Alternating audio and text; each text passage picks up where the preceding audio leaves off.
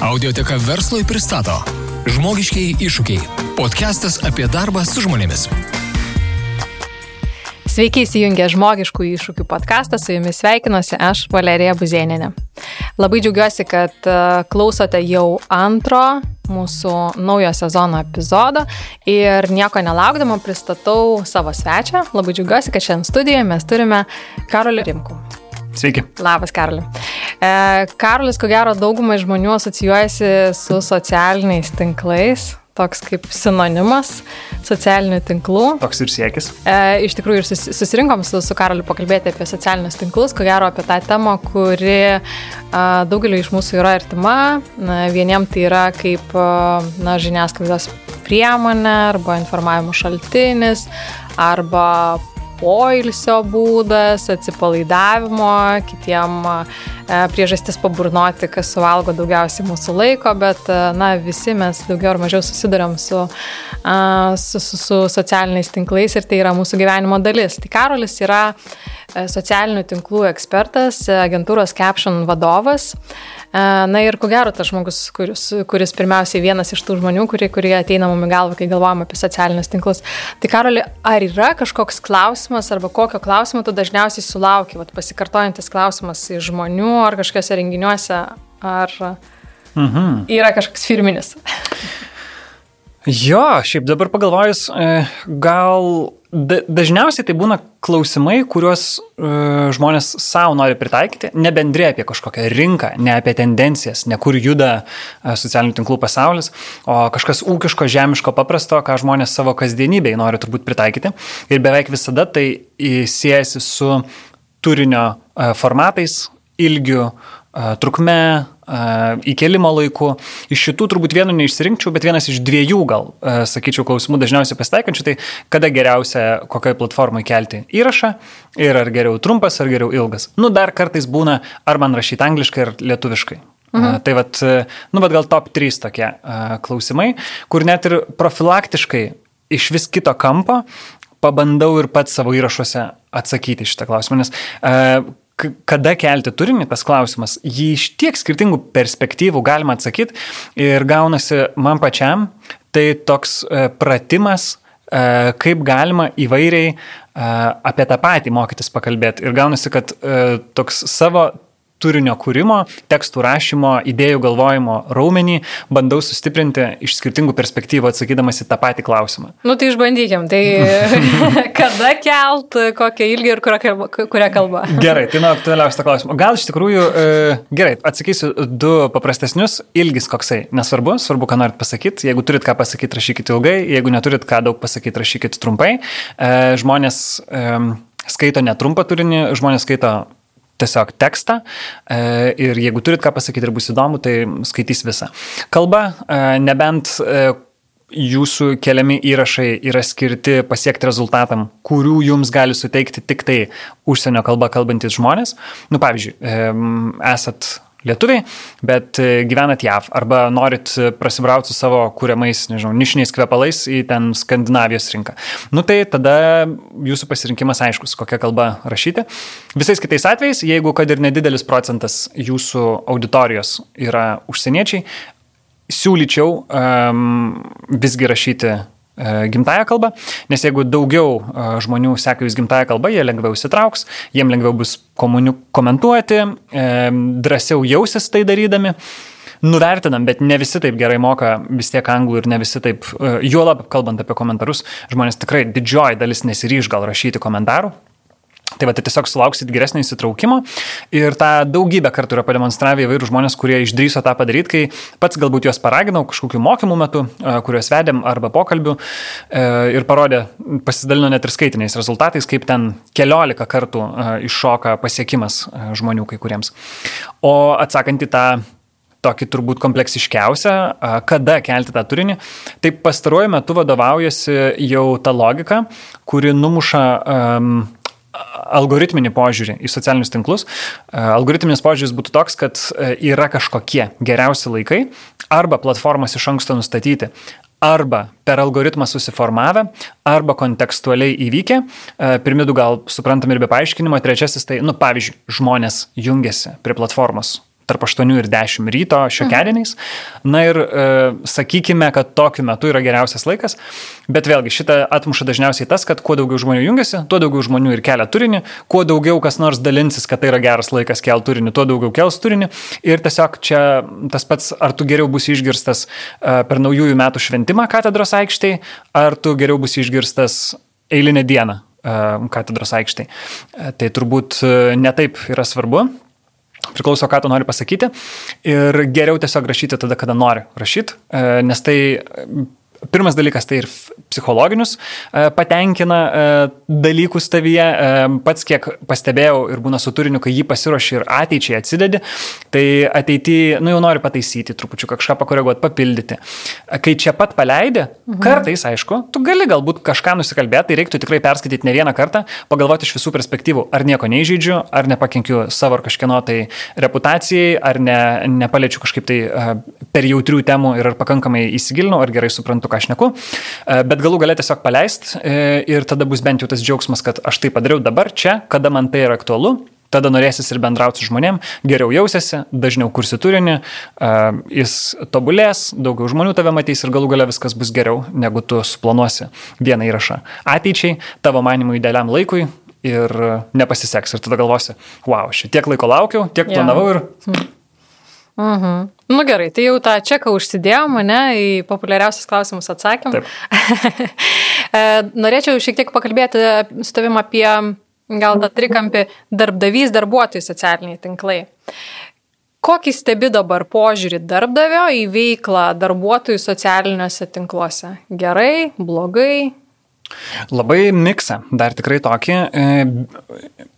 Tie, kas gal jau klausotės ir e, esate susipažinęs truputį su tema, tai gal atrodys, kad apie tai tik ir kalbama, e, kad e, tik ir kalba visi apie darbdavio įvaizdį, tik ir kalba visi apie e, darbuotojus ambasadorius.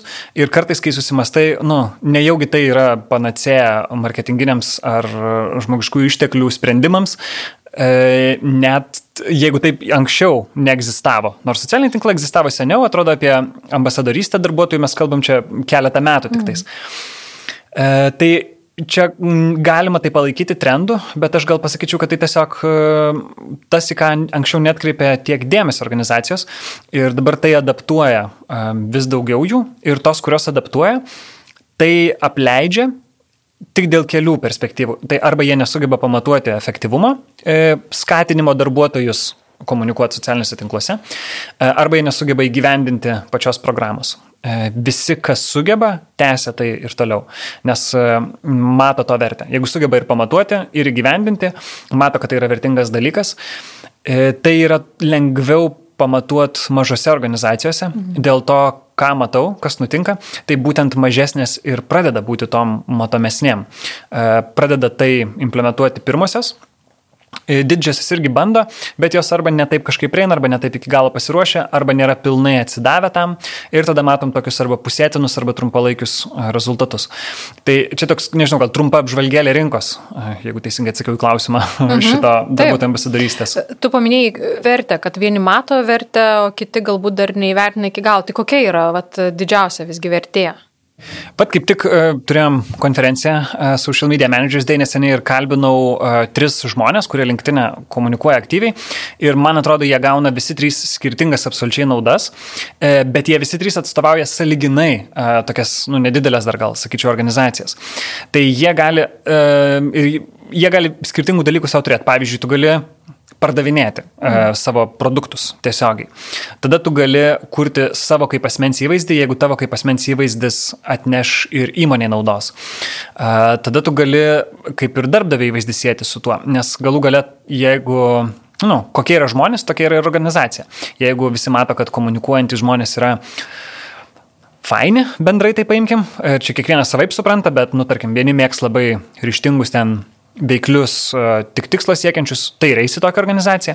Kiti mėgs galbūt, nežinau, apie ten empatiją, apie komandos darną kalbančius, jie galbūt rinksis tokią organizaciją. Nesakau, kad tai yra priešingi viens kitam dalykai, bet tiesiog tu gali pateikti save ir parodyti uh, kaip organizacija. Tai va, tas matavimas, jisai sudėtingas yra kaip ir visi įvaizdžio formavimo veiksmai, nes e, prie mažos, kodėl sakiau, įmonės lengviau pamatuoti, tarkim, esi dešimties žmonių kolektyve ir jūs nieko nedarėte iki šiol ir staiga vienas iš jūsų pradėjo aktyviai komunikuoti ir tada jūs gaunat pardavimų ir dar jūs, pavyzdžiui, tie jūsų pardavimai yra, nu, nežinau, 2-3 klientai per mėnesį, kai šiaip turit ten vieną, du klientus per mėnesį. Labai nesunku paklausti tiesiog, iš kur išgirdai, Mhm. Labai nesunku suvest galus. E, kai tai yra didelė organizacija, tūkstantis žmonių, pavyzdžiui, e, tu taip lengvai neįsivertinsi, e, kokį tu darai poveikį, nebent tu darysi fokusuotus tyrimus toje platformoje, kiek žmonės matė tam tikrą dalyką. Ta padaryti, pirmas dalykas reikia sugalvoti, antras reikia mokėti, trečias reikia pasiryšti ir tada galų galę dar ir skirti tam finansų, nes išsukti tai reikės. E, tai tiesiog sunku, ką gaunasi pamatuoti ir organizacijos dažnai, kurios tai daro, jos tiesiog turi didelės organizacijos, kurios tai daro, jos arba seka rinkos kryptį, tai reiškia, mūsų konkurentai sužinojom, kad tai daro, darom ir mes, e, arba jie turi kažką aukščiau sprendimų prieimimo lygmenį, kas tiki tuo. Mhm. E, ir, ir nes tikrai nėra lengva pamatuoti um, poveikį visą organizacijai, darbdavių būtent įvaizdžiui, ką iš vis šiaip, nu, tikrai nelengva e, iš vis matuoti, būtent konkrečius kažkokius veiksmus. Tai dėl to įvairių turbūt sprendimų įmamasi ir kampanijos, e, tarkim, įprastoje žiniasklaidoje, ir viešųjų ryšių akcijos, ir darbas su žmonėmis, darbuotojais, e, tiesiog kaip jie bendrauja su klientais, ką jie pasakoja šeimom grįžę. Ir vienas iš visų tų aspektų yra darbuotojų komunikacija socialiniuose tinkluose. Tai, nu, jin gali gauti daugiau dėmesio arba mažiau lyginant su kitom priemonėm, bet kad galų gale susijęt, kad būtent šita priemonė atnešė mum rezultatus, nu, nėra taip lengva. Mhm, nes kompleksiškai dažniausiai nu, ja. tai ir yra. Nebent galima to tada komunikacijos rezultatus. Vat, pamatė tiek ir tiek žmonių, jau dabar įrankių tikrai tam yra ir tokių, kur tu gali neprašinėdama savo darbuotojų, kad jie ten siūstų ekrano nuotraukas, kiek jų pamatė turinį, yra būdų irgi tai susekt, bet tada matuoji komunikacijos rezultatus. Kas šiaip yra teisingas dalykas, ne visada sieti kiekvieną veiksmą su galutiniu rezultatu. Nu, nežinau, patalpų tvarkytojų neprašom uh, pateikti ataskaitos, kiek švara patalpose pridėjo pelno šiemet. Tai, mhm. Bet suprantam, kad bus nešvaru, bus blogai. Mhm. A, tai šitas supratimas irgi gal po truputėlį okay. vystysis. Tu paminėjai dar, kad na, didelė organizacijai sunkiau galbūt į, tą, įsukti visą mechanizmą ir jį palaikyti. Kokios dažniausiai, va, tu pats matai, kokios kliūtis ar kokios klaidos, kad nepavyksta su darbuotojų ambasadorystės programomis? Šiaip tai Nu daug, topteli kliučių, gal viena iš minčių yra ta, kad organizacijos kartais turi didelės, ypač čia aš kalbu apie tūkstantis plus darbuotojų, dažnai jos būna ir tarptautinės, jos turi ir dedikuotą žmogų visiškai vien tam, vien dirbti su darbuotojų komunikacija. E, nu, tiesiog iš patirties, kiek esam bendravę mokymus vesdami arba kaip klientus turėjom, E, kartais tas žmogus, pavyzdžiui, būna e, iš užsienio e, ir jisai ne visai jaučia, kuo gyvoja kiekvienas darbuotojas. Vienas žmogus tūkstančiui adresuoti visų jų nuogastavimų darbuotojų, kodėl jie patys to nedaro, kodėl nekomunikuoja, nu jis sunkiai galės. Nes kiekvienas gali turėti jų savų, kiekvienas skyrius gali turėti kiek kitokią dinamiką. Dėl to, ko dažnai imasi, kokio tipo darbuotojų ambasadorystės e, tokio dydžio organizacijos, tai jos pasitelkia kažkokius įrankius, nes jau yra įpratusios, kad e, tokį kiekį žmonių gali kažkaip valdyti įvairiais įrankiais. Ir dažnai įrankiai būna tokie, kurie padeda kurti ir skleisti turinį E, žmonių lūpomis, bet centralizuotai. E, tai gaunasi, kad organizacija, tarkim, pajungia visus darbuotojus prie platformos, tu gauni ten e, kažkokius netikrus pinigėlius, kuriuos paskui keisi į kažkokius tikrus priziukus, kaip pavyzdys, ir tu gali rinktis jau paruoštą turinį arba deleguoti savo įkeltą turinį kaip kažką, ką tu sukūrei. Bet tai yra tokia žemo įsitraukimo ligmens įrankis, kur jeigu žmogų nedresuoja jo baimių, jeigu jam nepatari, kodėl tom, jam to reikia, e, tai yra tik vienas menkas toksai motivatorius ir vien juo prisitraukti aktyvumą yra sunku. O kai ir prisitrauki, tai ką mes matom, tai matom šabloninės tokias žinutės E, kur, nu, atrodo, kad žmogus tiesiog e, perkopijavo įmonės paskiros, nežinau, aprašymą ir įsikėlė pas save. Ir tai yra mhm. tiesiog e, ganėtinai šalta. Taip pat būna, kad didelės organizacijos, bandydamos suvaldyti rizikas, ir čia yra klausimas, kas stoja prieš akį darbuotojų ambasadorystės programos kūrimo kokios specialybės žmogus iš įmonės. Mhm. Nes jeigu būna būtent darbdavio įvaizdžio žmogus, tai jis galbūt supras visas rytis, kad čia reikia suvaldyti ir HR, ir marketingą, ir teisę. Bet jeigu, pavyzdžiui, stojasi teisininkai truputį į priekį, arba yra buvę kokiu nors skandaliukų, blogų nutikimų, kai darbuotojai kažką neto parašė, greit atsiranda social media policy, kuris yra šiaip geras dalykas dokumentas, gairės, kaip komunikuoti, kaip ne komunikuoti, kas skatintina, kas vengtina. E, bet ilgainiui gali tas sąrašas patapti pirmas dalykas nes neįskaitomu, nu tai ne, ne penki punktai kažkokie, ten have fun, uh, don't tell any secrets, o patampa plačiais paaiškinimais, kur kreiptis, ką galima, ko negalima. Ir žmonės tiesiog galvoja, ai, čia šitiek taisyklių, gal aš tiesiog nieko nerašysiu apie tai. Per sudėtinga. Per sudėtinga, jo. Mhm. E, arba, arba tiesiog yra daug apribojimų ir tu net ir norėdamas skaitai ir galvoji, gerai, įmonės patalpose negaliu.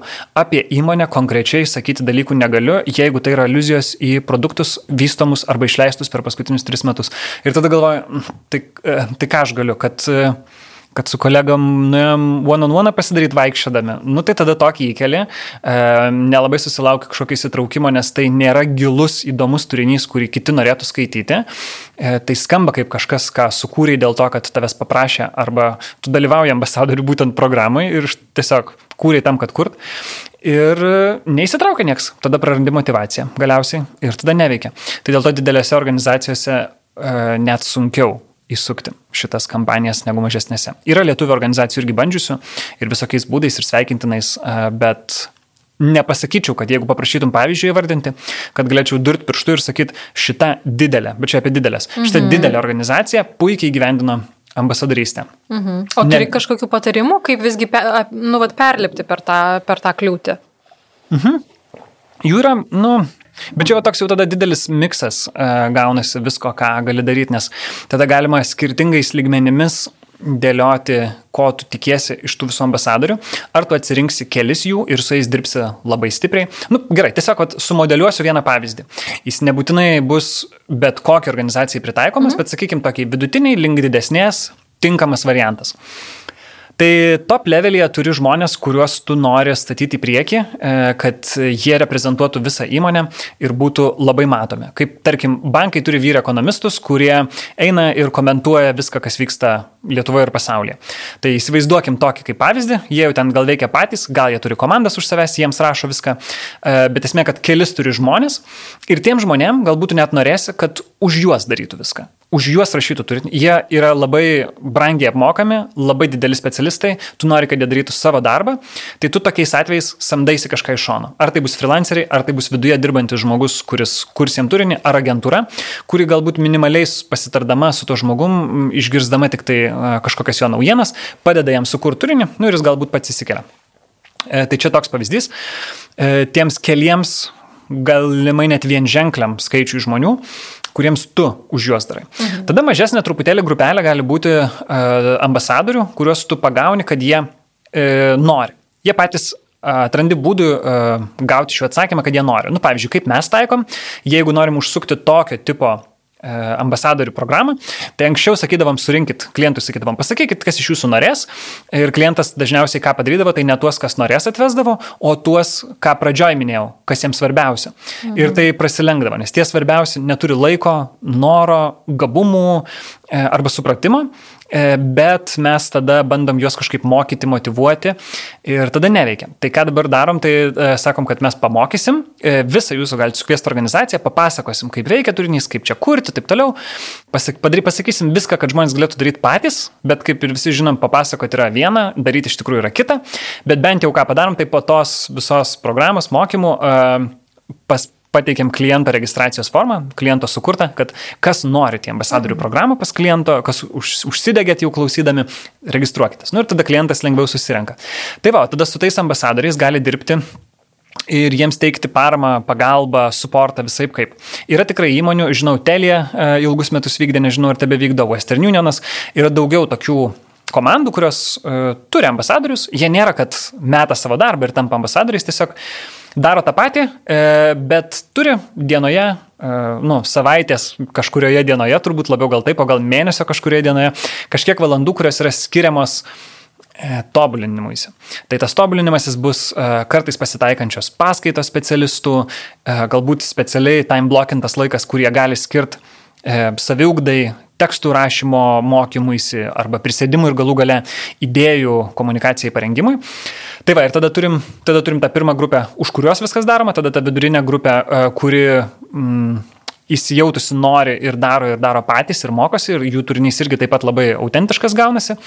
Ir jeigu mums to dar neužtenka, galim visai organizacijai karts nuo karto tiesiog pateikti naujienas arba įvykius organizacijų, kurie įvyko ir bet pasakyti, turėti šitą kvietimą veikti, call to action, kad pasidalinkit. Mhm. E, štai tokie dalykai pas mus įvyko, tikiuosi ir jūs didžiuojatės jais, pasidalinkit. Arba štai kokių specialistų ieškom, štai nufotografavom jų, nežinau, darbo kėdės, galite įsikelti jas, gal jūsų draugai pažįstami kolegos norės. Labai svarbu tą paprašyti žmonių, kad jie iš tikrųjų tą padarytų, ir, nu, o ne tik viskas liktų jų valioje ir sugalvojame, kad jeigu norės, tai parašys. Ne, reikia paprašyti, kitaip e, e, sunkiau veikia. Ir va, ir tada turim tokią visą apriepiančią ambasadorių programą, mm. kurios palaikymo tą topinę dalį kontroliuoja Nu, greičiausiai tai bus išorė, agentūra, nes tam reikia daugiau kompetencijų ir strategiją tų žmonių komunikacijai parašyti, ir tekstus paskui padaryti, ir rezultatus sekti, ir tendencijas visas sekti, kad galėtų jiem pritaikyti. Tada turim tą ambasadorių dalį, kur galbūt jau gali šitą dalį kūruoti in-house žmogus įmonėje ir kviesti kartais lektorius, motivatorius ir taip toliau. E, tuo pačiu su jais irgi reikia nepamiršti kalbėtis apie jų irgi baimės, nuogastavimus, kaip jiem padėti galima, kur jie mhm. stringa galbūt, plus tų žmonių rotacija kažkokia bus, tai naujų žmonių prieimimą į tą ambasadorių programą, motivacijos priemonės ambasadorių programos viduje ir tada vidinės komunikacijos per brūkšnelį marketingo žmogų, kuris padėtų renkti tą turinį visai uh, organizacijai, dalinti, kad jie galbūt persidalintų. Tai vad, nu čia toks tiesiog vidutiniškas va, toks planelis. Mhm. Bet labai gražiai, kaip sluoksniais, žinai, ky, ky žmonės ekspertai, tada aktyviausi ir tada visa organizacija. Tai man atrodo, kad labai logiškai skamba.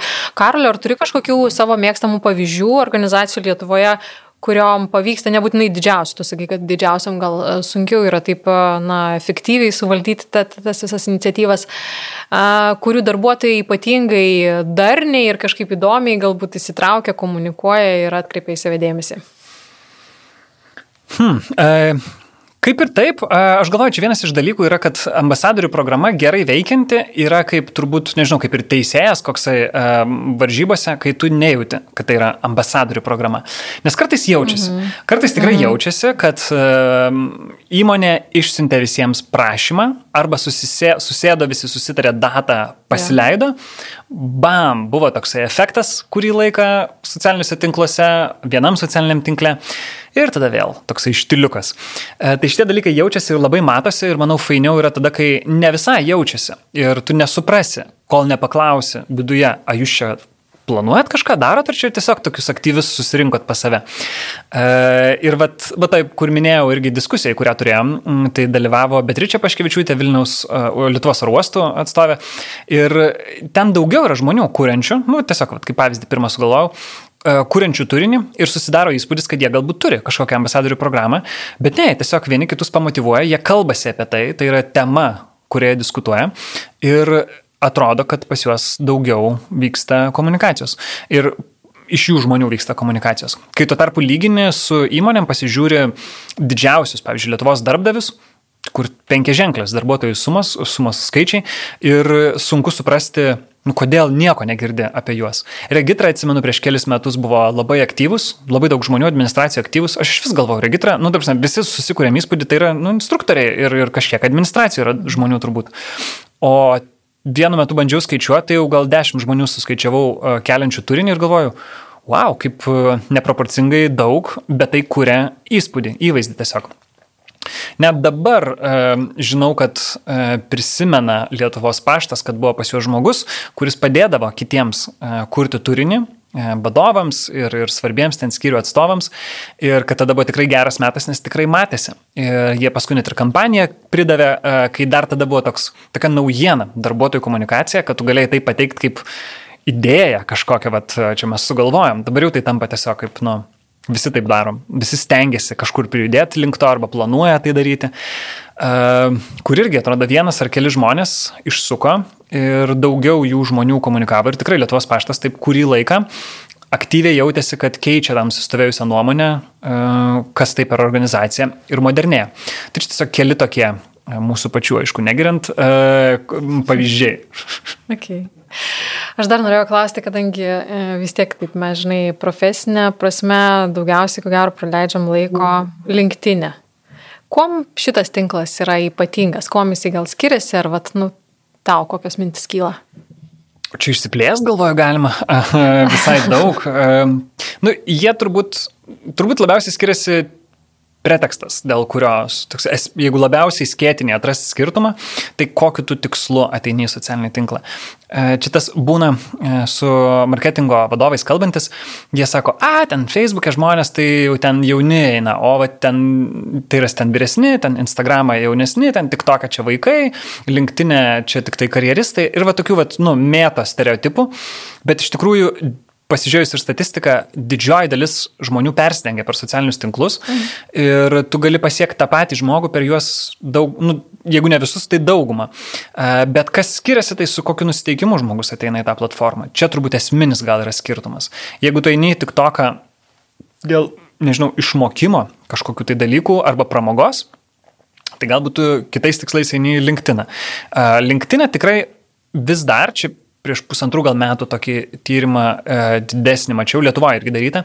Vis tiek didžioji dalis e, Lietuvoje žmonių arba nežino iš viso, nu, kaip čia naudotis jo, e, arba turi tik tam, kad ateitų ir pasi pasipildytų kažkokius savo, kaip CV, kaip online CV, žodžiu, duomenų bazę. Ne? Jo, kaip duomenų bazė prisijungia rečiau negu kartą per mėnesį. E, jau dabar peržengia, e, jau daugiau negu pusė vartotojų LinkedIn prisijungia dažniau negu kartą per mėnesį.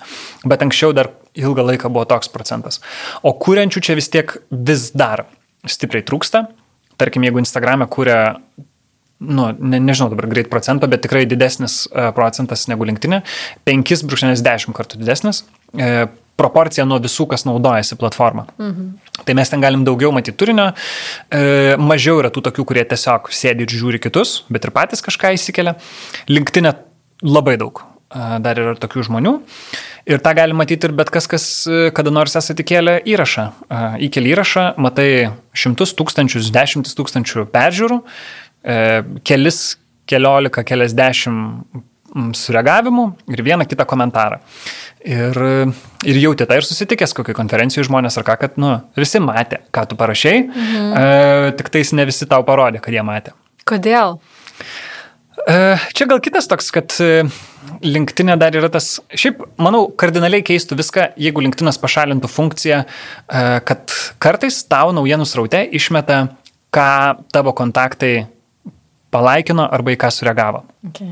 Kardinaliai keistų. Nes čia yra valiuta, nes tu supranti, kad tu sureaguodamas į kažkieno kito turinį padedi tam turiniui sklisti plačiau, negana to, pridėdamas prie to turinio savo vardą. E, tai gal tu galėtum šiaip padėti, nu ir vargu ar ten kas eis ir žiūrės, kas čia visi kas palaikino tą įrašą, bet dabar gali būti, e, va man šiandien buvęs e, kolega netgi vienas rašė, sako, kaip padaryti, e, kad nebematyčiau, ką kiti laikina. Tai vadinasi, nu, taip daug tu matai, ką, į ką kiti reaguoja, o LinkedInas tai daro dėl to, kad per mažai žmonių kuria turinį. Jeigu nežinau, kas dešimtas iš mūsų parašytumėm po vieną įrašą per mėnesį, šitos funkcijos nereiktų LinkedInui. Tiesiog galėtų rodyti ką mes patys rašom ir ką mastom, o nereiktų rodyti, ką mūsų draugai mėgsta. E, Facebook'e irgi tą matom, rodo, ką mūsų draugai pamėgo, vien dėl to, kad Facebook'e jau nuo 2015 metų mažėja turinio kiekis, kurį kūrė žmonės. Mhm. Tai tas visos platformos prie to prieaugo, bet aš manau, LinkedInas e, dar neprieaugo prie savo piko turinio kūrimo tikrai. Tai vėlgi būna kartais irgi tarptų klausimų, kur sakai, žmonės klausia, ar dar, ar dar ne per vėlų pradėti komunikuoti linktinę, tai Tai tikrai, tikrai dar ne. Dar, dar nėra pasiektas tas e, bell curve viršus, kur jau mažės e, žmonių turin, kūrinčių turinį kiekis. Okay. Tai tu sakai, kad iš esmės žmonės e, bijo, nu kaip vengia, nebijo, ne? Galbūt vengia reaguoti vienaip ar kitaip linktinę, kad nebūtų to atsekamumo, ne? Pagrindinė tokia. Vienas iš tų dalykų yra, jo. Mhm. jo. O kas dar? E, Net nežinau, kiti manau, kad tiesiog šiaip stebi ir, ir, ir tiek nemato prasmės kažkaip tai mhm. palaikyti uh, tai, ką jie mėgsta. Negaliu paaiškinti, čia reiktų gal psichologinių tyrimų paskaityti, čia nebent iš savo perspektyvos uh, žiūri. Nes aš irgi žinau ir suprantu, kad, nu čia kaip ir gaut laiką, pavyzdžiui, iš konkurentų agentūros uh, vadovų, tai jau supranti, kad, nu jau žmogus taip sutinka su tavimi. Jau taip tikrai jau pat. Toks šimtaprocentinis laikas, ne? klausyk, nu, lemba, nu, nenoriu aš rodyti, kad matau, ką, ką tu darai, bet čia tai geras. Tai jau tada supranti, kad, okei, okay, mhm. čia, čia kažkas tai gerai. Okay.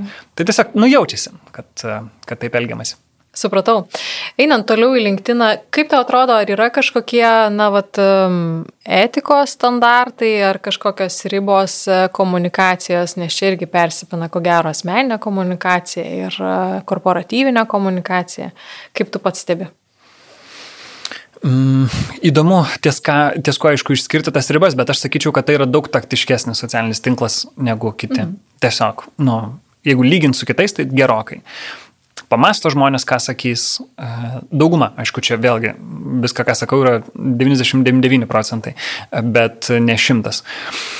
Ir, ir čia yra ir saugiau truputėlį, e, bet to pačiu ir tai yra platforma negailestingesnė neteisingai informacijai, mhm. e, galbūt melui arba informacijai su mažai konteksto, e, informacijai, kuri pavyzdžiui, brėžia priežastingumą, kur iš tikrųjų tai yra koreliacija. Uh, nu, toks protingi žmonės, paprastai tariant, mato ir greit atsiras kažkas, kas pasakys, klausyk, čia ne, ne, ne taip, kaip tu sakai. Man ir pačiam ne vieną kartą buvo, kur atrodo jau labai išsidomi, bet e, kažkas pažiūri tavo ten skaičius, kuriais pasidalina ir sako, mm, netokia išvada turėtų būti, truputį kitokia. Ir perskaitai galvoji, mm, tiksliai.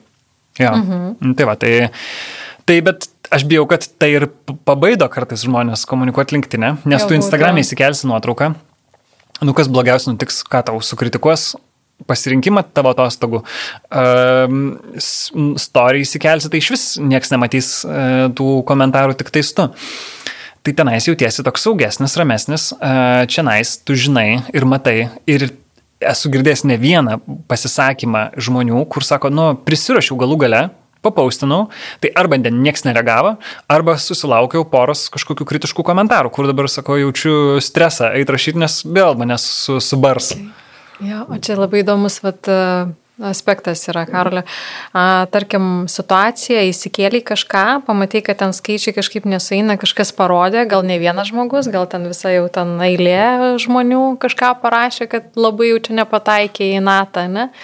Kaip tai elgtis, nes gali ištrinti tą, tą savo įrašą, gali palikti, kaip, kaip va šitoje situacijoje elgtis. Jeigu pats nepataikai. Taip. Nu, vat, kaip tu mm. sakai, parašiau jo, kažką, skaičiai nesutampa, man kažką ten parodė. Ne? Mhm. Uh, nu, aš nesek, asmeniškai čia sakau, aš nesėkmės sprendžiu per bandymų kiekį uh, ir man taip veikia kažkaip tai visai gyvenime. Uh, tai jeigu žinau, kad aš dar per šiuos metus padarysiu, nežinau, 150 įrašų ir man su vienu nepasisekė, Tai, nu, big deal.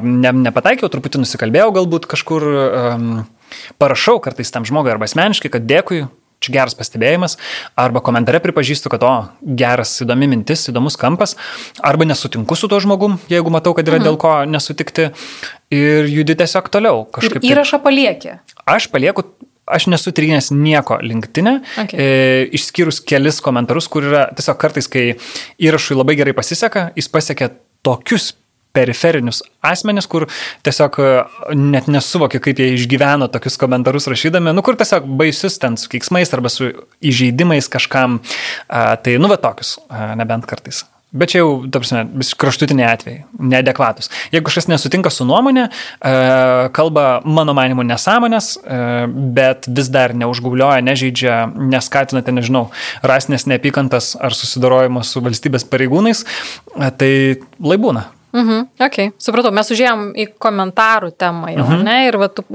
paminėjai pačioj pradžioj, kad vienas iš dalykų, ką reikėtų apgalvoti organizacijai, tarkim, turint ambasadorystės programą, tai yra social media ten policy kažkokia, ne, arba tiesiog taisyklės, kaip darbuotojai turėtų komunikuoti. Pakankamai dažnai, nežinau, nebent tu mane pataisysi, komentarai mažai yra mm, apžvelgiami arba uh, apibrėžiami uh, tokiuose politikose. Nežinau, pataisyk, jeigu, mhm. uh, jeigu, jeigu kitaip yra. Kaip va čia suvaldyti ir kokią įtaką komunikacija uh, tiek korporatyvinė, ne, tiek asmeninė uh, būtent turi per komentarus? E, tų, aišku, tų policy, e, pirmas dalykas jų netaip dažnai ir turi įmonės. Nu, čia mhm. gan retesnis toksai, e, bet vardan to, kad nebūtų tai per ilgi tekstai ir kad žmonės iš tikrųjų paskaitytų, dažnai, kaip ir sakai, nėra, kad apie komentarus labai kalbėtų. Bet kokiu mes net ir Lietuvoje pavyzdžių paskutinių matėm, ypač e, dėl karo, kaip tokiam viešiem visuomenės veikėjim, kalbant apie įmonės, pavyzdžiui, kurios nesitraukia e, iš Rusijos ir toliau e, ten uh -huh. prekiauja, vykdo veiklą, atsirasdavo žmonių, čia daugiau Facebook'e, ne LinkedIn šitas dalykas buvo, atsirasdavo žmonių, kurie dirba tose įmonėse, ateina ir kažką pakomentuoja. Ir kartais tie komentarai būdavo truputį atskleidžiantys įmonės vidų iš tos įmonės arba ateina iš kitų įmonių kažkokių irgi. Ir dar tik tais palaiko ir tik skatina toliau jo ant tų kelių įmonių. Ir labai greitai žmonės atkapsta, nueina jų paskiras, arba paieško vardą, arba vardą pavardę perrašo į LinkedIn. Ir grįžta su... Į Google jo ir grįžta su ekrano nuotraukom, kad kur tas žmogus dirba. Uh mhm. -huh. Ir tai tampa e, svertų tokiu, kad jo žodžius tuomet gali pamatyti kitokiam kontekste. Kai matai, kad žmogus parašė uh, ten kažkokį dalyką ir šalia yra komentaras, kad, ei, tas žmogus tai dirba čia, tu kitaip jau skaitai. Tai, nu, va čia netgi ir vienas pavyzdys buvo, kad uh, mus konkrečiai kvietė viena įmonė pravesti, ten per kelis miestus važiavom, vedėm mokymus uh, darbuotojams, nes buvo darbuotojų, kurie, nu, tiesiog parašydavo baisius komentarus socialiniuose tinkluose. Ir Tai laikas, kai darbuotojų labai daug nepasieškosi, ten dar buvo mažes, nu kaip, netokie ne kvalifikuoti darbuotojai, netokie kvalifikuotą darbą dirbantis ir supranti, kad, nu čia vieną galbūt atleisi, tai galima ir kitas kažkoks ateis ir reikia tiesiog spręsti, nu, sistemiškai šitą dalyką. Tai tiesiog važiavom ir mokėm, kaip bendrauti socialiniuose tinkluose, kas atrodo savaime suprantama, e, bet jeigu nu, tu žmogus nori kažkaip nemaloniai, negražiai, žaidžiančiai arba atskleidžiančiai konfidencialią informaciją bendrauti su draugais, šeima, tavęs niekas nesustabdys. Bet socialiniuose tinkluose tu jau matomas, tu jau viešas, tu jau atstovauji viską, kas yra susijęs su tavo vardu ir pavardė. Mhm. Ir tas atstovavimas gali būti pastatytas į kontekstą, kaip dažnai nutinka social media. Šiaip, šiaip įdomu, Šituo atveju, jūsų mokymo atveju, ar jautėt pasipriešinimą kažkokį? Kodėl aš klausiu, nes labai dažnai žmonės sako, okei, okay, LinkedInas yra darbui, bet koks nors Facebookas, tai čia yra mano asmeninė mhm. erdvė mhm. ir čia vat, labai slidu yra, nes kaip tu sakai, tai labai greitai tave gali atsekti ir atpažinti iš kokios įmonės, nors tu ir šalia neturi pasirašęs tos darbovietės ar pareigų. Ar jautėt kažkokį pasipriešinimą, kad čia yra nedarbdavio reikalas, ką aš veikiu socialiniuose tinkluose ir, na, kokia yra mano nuomonė nuomonė ar požiūris? Yra to. E, ir net nereikia ieškoti kartais labai giliai ir būna net ir labai tokiuose pažangiuose organizacijose, kur dirba labai aukšto lygio specialistai, ateini ir pasakoji jiems, kaip komunikuoti ir jie kartais tiesiai šviesiai pasako, kad kodėl aš iš vis turėčiau komunikuoti apie kažką apie įmonę arba kodėl aš turėčiau mąstyti, kaip mano mintis bus susijėtos tenais su įmonė. Bet nu, čia yra kitas gal klausimas, ne kodėl, bet tai jau vyksta. Mhm. Tai jau vyksta, jau, jau sieja, jau tu negali eiti ir šnekėti tokių dalykų, nes, nu, kaip ir mes turim politikus, kurie atstovauja visuomenę ir ta visuomenė nenori, kad juos atstovautų politikai, kurie baisiai daro kažką tai. Ir jeigu turim tam kažkokius įstatymus arba mm, galimybės, tai mes bandom tuos politikus už tai kažkaip sudrausminti. Tai organizacijos e, renkasi tokį patį kelią. Ir tiesiog turi daugiau rizikų ir aš net nebejoju, kad e, kuo toliau, tuo labiau organizacijom bus tikrai paprasčiau atsisveikinti su darbuotoju, kuris komunikuoja e, priešin, priešingai nei yra organizacijos vertybės. Mhm. Ir tai netgi siūs žinutę visai organizacijai, kokios stiprios jų vertybės, negu sakyti darbuotojui, kad jo, tu esi tam stateisus, ką tu nori, tą tu šnekėk.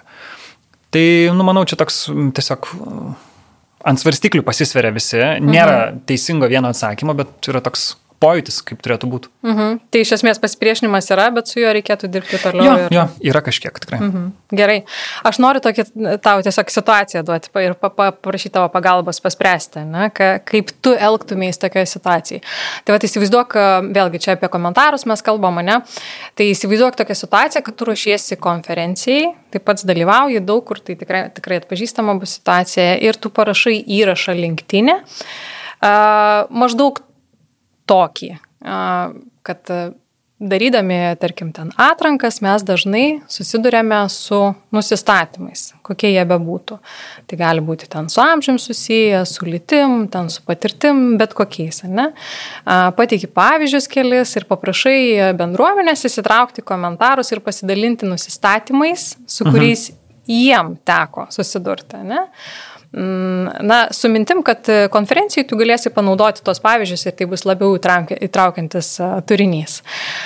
Komentarai, mm, ten yra, tam tikrai žmonės komentuoja, pasidalina savo patirtimi ir, tarkim, vienas iš komentarų yra, kad kandidatai žmogus susidūręs ne, su, su tokia situacija.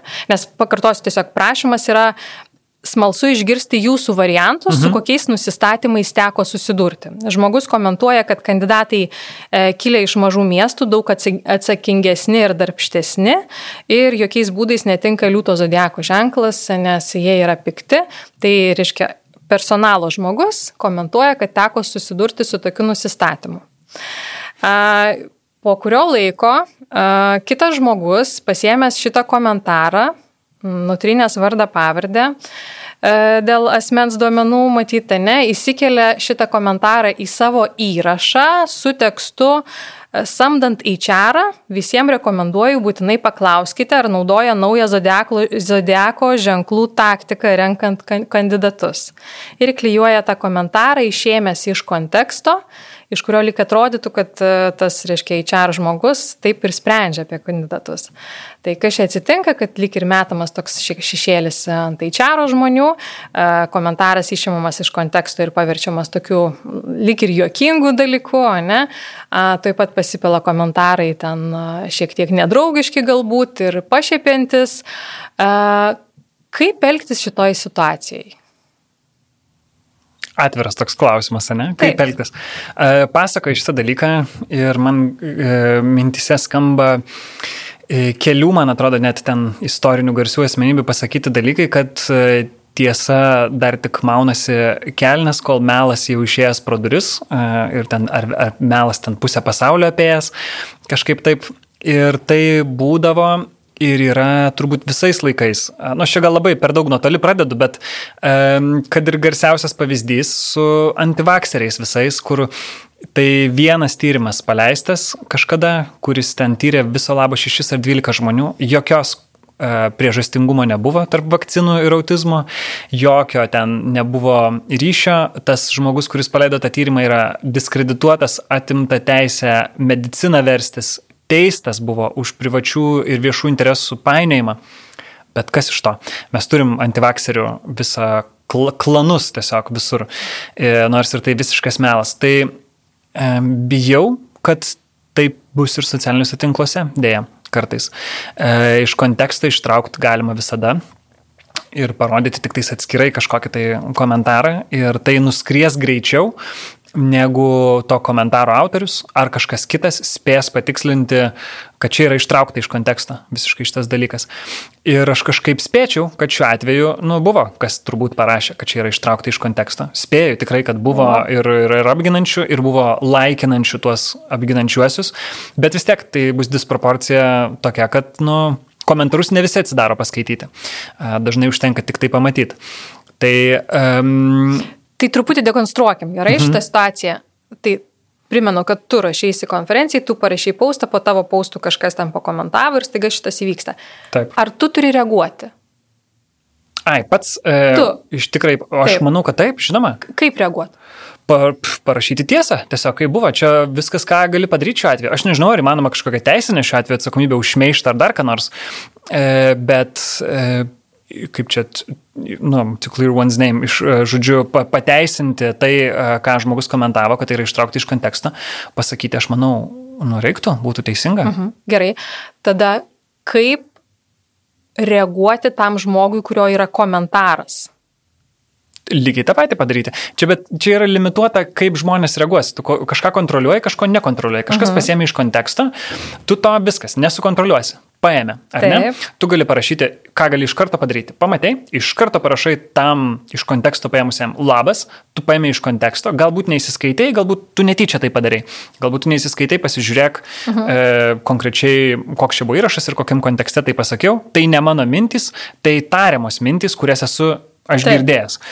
E, tai lygiai taip pat, aš manau, galima iš šito mūsų podcast'o iš, iškirpti kažkokį momentą. Taip. E, arba sudėlioti žodžius, kur ten sakysiu, kažką minėjau, pala apie politinius veikėjus. Ten dar ką nors ir pasakyti, kad aš čia vos nekesinuosi gyvybę, ką nors. Arba antivakseris, jo. Taip. Antivakseriai yra, gerai, aš norėjau pasakyti, jo.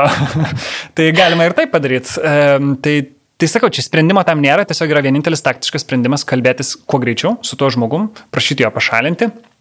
E, kokias yra antonimas diskredituoti? E, a- Askredituoti e, nuomonę ir gražinti tą tiesą į pokalbį apie šitą vieną komentarą. Čia mhm. nežinau kito kokio sprendimo. Žiūrėk, tu pasakai, prašyti jo pašalinti, ane? E, Įsivaizduok situaciją, kad na, tie komentarai yra, kad išimta iš konteksto, kad tai yra na, ne visai etiška galbūt, ne? Žmogus komentaruose sako, na, aš atsiprašau, jeigu aš išėmiau ko- iš konteksto, jeigu taip yra, tai galbūt visi pasijuokime ir visa tai lieka. E, ką manai? Manau, ne pats geriausias dalykas, ką žmogus galėjo padaryti. E, jeigu jisai yra empatiškas ir išgirstų, kokį poveikį turėjo galbūt tam žmogui, kuris įkėlė, tai dar gerai, kad vardą pavardę nutrynė, aišku, galima nesunkiai atrasti. Labai Labai nesunkiai. nesunkiai. Labai. E, bet vis tiek e, tai žalą daro tam žmogui ir jeigu suempatizuotų su tuo, e, tiek aišku žmonių nepasieks, įsikeltų dar vieną įrašą atsiprašant, papasakojant, kas čia buvo per situaciją. Bet čia aš modeliuoju situaciją kitų žmonių lūpam. Čia niekada Aš nežinai, kaip, kaip kažkas sureaguos. Bet aš manau, kad tai labai aktualu, nes visi mes susidurėm su komentarais, su, su kažkokiam vienom ar kitom reakcijom ir kiekvienas, ko gero, susimastom apie tai, ką daryti. Ne? Tai vat, jeigu vienoje situacijoje ar kitoje situacijoje esi. Mhm. Tai čia iš vis, man atrodo, bet, uh, ir vat, tą, ką mes dabar šnekam, aš įsivaizduoju, pagalvokim, pradžioj visas mūsų pokalbis ir buvo toksai, nu, kodėl visgi neverta bijot, kaip yra gerai, kiek yra naudos organizacijai, -huh. dar net neprieėm, kiek žmogui naudos yra viešai komunikuoti, komentuoti, įsitraukti diskusijas, tu esi matomas, taip toliau. Ir dabar prieinam tą tamsėją pusę, kaip būna, kaip iš tikrųjų nutinka. Uh, tai aš tiesiog tikiuosi, kad tokių nutikimų proporcija prie visų gerų nutikimų bus labai labai mažytė, e, bet kad ir kaip bebūtų, vienas kitas va toks išstojimas, bent jau kuriam laikui, tai žmogui motivacija tikrai atmuša, e, bet, e, nu, ilgainiui, e, manau, kuri toliau turinį, dalyvauju toliau diskusijose ir viskas būna ok, jo lab, kad čia iš konteksto ištrauktas dalykas, e, kas bent truputį lengvina situaciją, o nėra, kad pats nusikalbėjai, nes tikrai esu linktinę matęs tokių įrašų, kur tiesiog supuola komentuoti visi ir, ir, ir kaltinti tą rašantį ir rašantysis, nors jau akivaizdu, kad į kampą įspęstas ir tikrai nusišnekėjo, bet toliau laiko savo nuomonės, e, šaudosi atgal ir, ir tada va jau liūdna matyti. Liūdna, jo. jo. Teko ir man matyti. Mhm. O dar, Karolį, jeigu pagalvoti, tiesiog va, tokie komentarai arba tokie įrašai, kurie, na, lik ir pamato aplinka, ne, stebintis, kad kažkas negerai išimta iš konteksto, įvaizdis darbdavio šiuo atveju, jeigu tai vyksta darbuotojo komentavimas, e, vat, na, kažkokia veikla socialinėse tinkluose. Ir galbūt šalia irgi pagalvot, o jeigu tas darbuotojas yra įmonės vadovas šiuo atveju, kokį poveikį turi? Nu tai kaip pažiūrės, matai, kaip ir pavyzdys, kur sakiau, kad matydavau komentuojančių, nu, rašančius paustus baisius, tai irgi tai būna dažnai labai, tai būna patys tie, kurie daugiausiai drąsos ir turi, nes yra vadovai ir supranta, kad jiem atsakomybė negresia. Mhm. Nu bent jau jų darbovietė atsakomybė negresia. Ir reputacijai gal, bet iš darbo niekas neatleis, sudrausmint, nesudrausmins, gal koks kolega įsižeidęs ateis pasakys, man nepatiko, ką tu rašiai nežinau, kompleksiška. Tikrai, kaip sureaguos tavo darbuotojai, gal irgi bus nepatenkinti, jeigu tu tokį tekstą parašėjai. Nu tai vad, čia tas ir yra dalykas, kad tu kurdamas turinį, tikrai turi pagalvoti iš kelių perspektyvų, kas jį matys, kaip gali sureaguoti, įsižeist, neįsižeist. Aš pradžioje, pavyzdžiui, kaip minėjau, kad e, skatinu turinį kelt tada, kai tu jį padarai, bet tai nereiškia, kad visiškai neapgalvojus ją.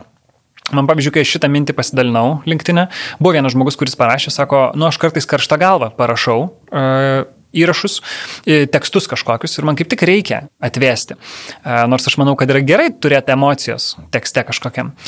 Bet jeigu tu jauti, e, kad tai yra, kad tavo tas pasisakymas, kad tavo įrašas bus kaina kažkieno kito, Nesvarbu, kokiam kontekste, bet tu rodai kitą kaip blogesnį už save, kitą žmogų, arba nori kažkaip tai sukritikuoti ar dar ką, tai tikrai reiktų stipriai įsigilinti į situaciją. Ir dar jeigu galiu prasiplėsti, net ir kartais, jeigu tu nori pagirt tą asmenį, nes man yra seniau tikrai irgi buvę, kur aš pagiriu Buvo viena karta, kur pagyriau uh, žmogų viešai ir nebuvau tiek labai susidomėjęs, kaip ten, kokia ten praeitis to žmogaus. Ir komentaruose visai gavau tokių uh, paminėjimų, kad, nu, gal ir gerai čia dabar padarė tas žmogus, bet uh, labai nekokia, uh, kokių dalykų buvo dar visai nesiniai padaręs ir paskaičiau komentarus, pasidomėjau internete, galvoju, Bereikalą okay. pagyriau. Nu, kaip už šitą dalyką gerai, bet kai visą kontekstą pažiūri, gal ir nebūčiau dar skubėjęs labai žmogaus girt. Arba būčiau kitaip paprašęs visą situaciją, kad visas kontekstas būtų matomas. Mhm. Tai va, tai tas jo, kontekstas svarbu ir ta rizika turbūt socialinių tinklų ir kodėl galbūt jinai yra baisesnė žmonėm, nes tu gali gauti grįžtamą ryšį ir tu niekada nežinai, koks jisai bus. Mhm. Jo. Taip. Ir čia, ką, ko gero, labai svarbu kiekvienam suprasti, ypatingai apie LinkedIn, nes LinkedIn mes dažnai nesusitinkam, bent jau profesiniam gyvenime, kad e, visada komunikuojant bet ką e, LinkedIn, šalia tavęs stovi kažkoks brandas. Ne? Tai kad tu LinkedIn nesi tik vardas pavardė, tu esi vardas pavardė ir kažkieno darbuotojas ar kažkieno vadovas ir gali labai lengvai susidaryti asociacijos, kad jeigu na, vienas ar keli žmonės iš tos organizacijos komunikuoja atitinkamų tonų, kad tai ir yra įmonės vertybės, įmonės skriptis ar kažkoks įmonės e, požiūris ir tai kartais gali pakišti koją ar e, klientų bendravimui ar bendrai reputacijai rinkoje. Tiesa, tai čia galim paralelę netgi e, truputėlį su nuomonės formuotojų visą komunikaciją, influencerių reklamdaviai kartais į sutartis pabando net įtraukti tokius momentus, kaip kad e, nuomonės formuotojas prieš ir po reklamuojant mūsų produktą prekę turi palaikyti nepriekaištingą įvaizdį. E, ir mes to tikimės iš nuomonės formuotojų, Taip. nes e, tai yra matomas veidas, siejamas su mūsų produktu. Tai panašiai turbūt tikimės ir iš savo kolegų, kurie taip pat ypač komunikuodami apie darbą organizacijoje, apie savo pasiekimus organizacijoje, tiesiogiai kalba ir nu, sieja save kaip asmenį su pačia organizacija. Atsiranda, aišku, iš to įvairių rizikų, bet yra labai daug privalumų. Labai daug privalumų. Tai mes čia gal daugiau apie rizikas pakalbėjom. Dabar klausyk, aš tikrai jaudinas, paklausys žmonės, e, podcastą sakys. Neberašysiu, ne? Ne, ne, ne. Gal mes kažkaip tai ten per skelbimus žmonių ieškosim, nereikia mums čia įvaizdžio per kolegas formuoti. Aha, nu tai galim pabaigai iš tikrųjų apie vertės dar kartą, apie asmeninės naudas galbūt. Aš galiu pasakyti šiaip tokį iš mūsų patirties, e, gal toks e, pasiplekšnojimas per petį kažkiek mums patiems bus, bet esam maža įmonė, ar labai maža, nežinau, kaip ten pagal klasifikaciją skaitosi, 25-30 tam tarpe žmonių ir kiek gaunam kandidatų, trečdalis gal jau pirmam laiške paminė, kad mus seka, matė ir kolegų apklausą ne per seniausiai pasidarėm, pasiklausėm, tiksliai taip išsimatavom, kur jie apie mūsų žinojo. Tai aišku, mes klausėm dabartinių kolegų, būtų įdomu jau visų irgi buvusių kada nors mūsų. Bet e, gal tik keli procentai, buvo vien ženklis procentas žmonių, kurie ne socialiniuose tinkluose apie mus išgirdo. Ir tie socialiniai tinklai varijuoja nuo to, kad galbūt mano asmeninį įrašą vat matė e, ir per tai sužinojo įmonė, bet ir tokių netikėtų atsakymų buvo, kur matė, e, kad draugai, kurie pas mus anksčiau galbūt dirbo, tų žmonių yra draugai arba pažįstami tolimi, kažkur Instagrame įsikėlė nuotrauką, ką veikia su visa organizacija, arba tie buvę mūsų darbuotojai pasidalino caption įkeltą nuotrauką ir per tai e, tų žmonių pažįstami sužinojo apie tokią įmonę iš viso. Tai yra tiesiog e, keli, keli požiūriai. Vienas tai, kad tu nenori eiti į socialinius tinklus su savo darbuotojais ir tu niekaip to neskatinsi, e, bet tai visiškai pamina tai, kad žmonės patys eis. Taip. Jeigu tu jų nepaskatinsi dabar, nepadėsi jiems, nepapasakosi, kaip tai daryti taktiškai, korektiškai, kaip reprezentuoti įmonės vertybės, kaip save pateikti, tai jie tai darys taip, kaip jie moka. Ir galbūt ne visi mokės gerai. Ir galų gale tada tai yra rizikos, kurių nekontroliuoja. Tai galima į šitą visą procesą darbuotojams pasidarysite žiūrėti kaip į kažką, kas, nu, tu tiesiog tau teks galų gale. Nes mhm. žmonės kalbės, žmonės pasakos. Jeigu mes vis labiau siesim e, žmonės su įmonės, įmonėmis, kuriuose jie dirba. Kad ir tas žmogus nėra labai ten aukštas kažkokias pareigas, galbūt užimantis žmogus ir nebūtinai atstovauja visos įmonės vertybės, bet jeigu mes matysim vieną, du, tris keistus asmenis, e, nu, nesąmonės arba baisybės rašančius ir pastoviai pamatysim, kad vėl jie dirba ten. Tai galų galę susidarysim įspūdį, kad, nu tai ta įmonė vadinasi tokių darbuotojų ieško, o kažkai, ar jie taip pat aplaidžiai žiūri ir savo ten paslaugas teikiamas, ar ir mes galim būti siejami su jais, jeigu mes su jais dirbsim. E, jeigu jie taip komunikuoja, ar jeigu jiem bus krizė kažkokia, ar klius ir mums tuo pačiu, kad mes su jais turim reikalų. Tai čia šitos dalykus sunku pamatuot, e, bet neprašal. Mhm. Tai iš esmės aš sakyčiau, kad pagrindinė, ko gero, nauda yra tai, kad uh, paskatinant darbuotojus komunikuoti socialiniuose tinkluose ir duodant jam įrankius ir priemonės, kaip tai daryti arba žinias, tiesiog ne, mes galim išgirsti tikra, tikrasias istorijas, nenupoliruotas, kurių nieks e, neperka ir, ir nieks nepatikė seniai, ne, bet tas tikrus momentus, e, tik, tikrus jausmus, e, kas iš tikrųjų užkabina labiausiai, ar tai būtų potencialus darbuotojas, ar tai būtų potencialus pirkėjas, klientas, tai ko gero yra tikra. Taip. Ir žmonės patikė labiau, ten skaičiai varijuoja, bet daugybė, bent 7-8 kartus labiau žmonės tiki Kai darbuotojai pasakoja, mhm. kaip yra įmonė gerai, ar kokie geri produktai, negu kai pasakoja net įmonės vadovai, arba tuo labiau, jeigu tiesiog įmonės paskiros apie tai išneka. Mhm. Karoli, pabaigai pačiai galbūt gali pasidalinti, kas šiuo metu yra na, va, top of the mind, kuo dabar domiesi socialiniuose tinkluose arba kažkoks dalykas, kuris tave neseniai nustebino ar gerąją ar blogąją prasme. E, bendrai apie socialinius tinklus, e, nebūtent tik tai vienas skrai linktinė kažkaip galvojant, Na. E, tai man dabar įdomu, įdomus momentas yra tas Mm, nu, žodžiu, Biril yra aplikacija, uh mhm. -huh. jau, jau gal daug kas išbandėt, principas, kad visi tą pačią valandą, visi, tai reiškia, kas naudojasi aplikaciją visam pasaulyje ar visoje lokacijoje kažkokiai gauna pranešimą, pasidaryti nuotrauką iš priekio ir iš galo ir viskas. Ir tu tiesiog parodai, ką tuo metu matai. Dabar man galvat net pasižiūrėsiu. Tarp kitko, prieš keturias minutės birylas iššoko, tai va aš net ir dabar mūsų... Uh, Pateksiu į tavo birylą? Į mano birylą? Jo, o, wow, Jėga. čia geras. Tai aš pasišypsau dabar, gal atitolau nuo mikrofono, e, bet esmė, kad e, tuo metu e, iššoka Brylas, parodė, ką iš tikrųjų tuo metu veikia ir kiti socialiniai tinklai bando kopijuoti šitą funkcionalumą. Mhm. Ir įdomu, kur čia viskas vystysis, nes kažkaip plinta socialinis tinklas, daugėja mė, kas mėnesį ten vienetais ar dešimtim milijonų vartotojų. Tai kol kas primena kilimą tokį greitą kaip Instagramą, beveik tokį greitą kaip TikToko irgi. Ir įdomu labai, kur visą tai nuves, nes iš, iš pamatų tai netrodo labai įdomus dalykas. Netrodo, kad e, neinovuodama šitą aplikaciją kažkur tolinais, bet kol kas eina.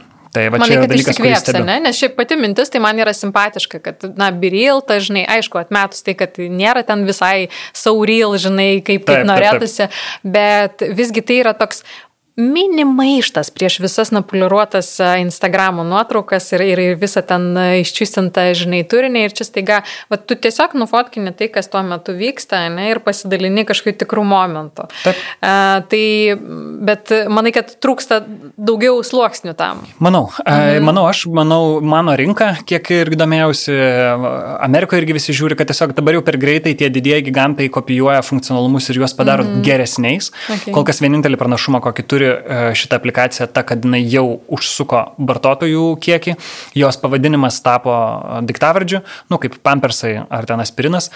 E, ir, ir galbūt ant to žais, bet naujų funkcionalumų turės kažkokiu tai įvesti ir vedant gali paslysti ir pradėti nebe taip jau ir real viską daryti. Mhm. Tai vat, čia, manau, jie patys jaučia tą slidumą, plus dar net neprabilom apie monetizaciją, ar reklamas dės, ar mokėtų už aplikaciją mhm. Reikės, ar mūsų duomenys pardavinės, tai čia irgi dar neaišku, kur visą tai nuves. Tai labai įdomu, vis kažkas jo. naujo. Taip. Ačiū tau labai už pokalbį, Karoli. Ačiū. Tikiuosi, kad e, buvo naudinga, įdomu ir kažką pasėmėt savo. Iki sekančio karto. Iki. Jūs klausite podcast'o Žmogiškiai iššūkiai. Kad nepraleistumėte naujų epizodų, kviečiame prenumeruoti laidos naujienlaiškį adresu žmogiškiai.lt. Podcast'ą prenumeruoti taip pat galite per Apple Podcast, Google Podcast, Spotify, Stitcher ir kitose platformose. Laidos partneris Audioteka verslui. Nuolatinio tobulėjimo kultūra jūsų organizacijoje. www.audiotekaverslui.lt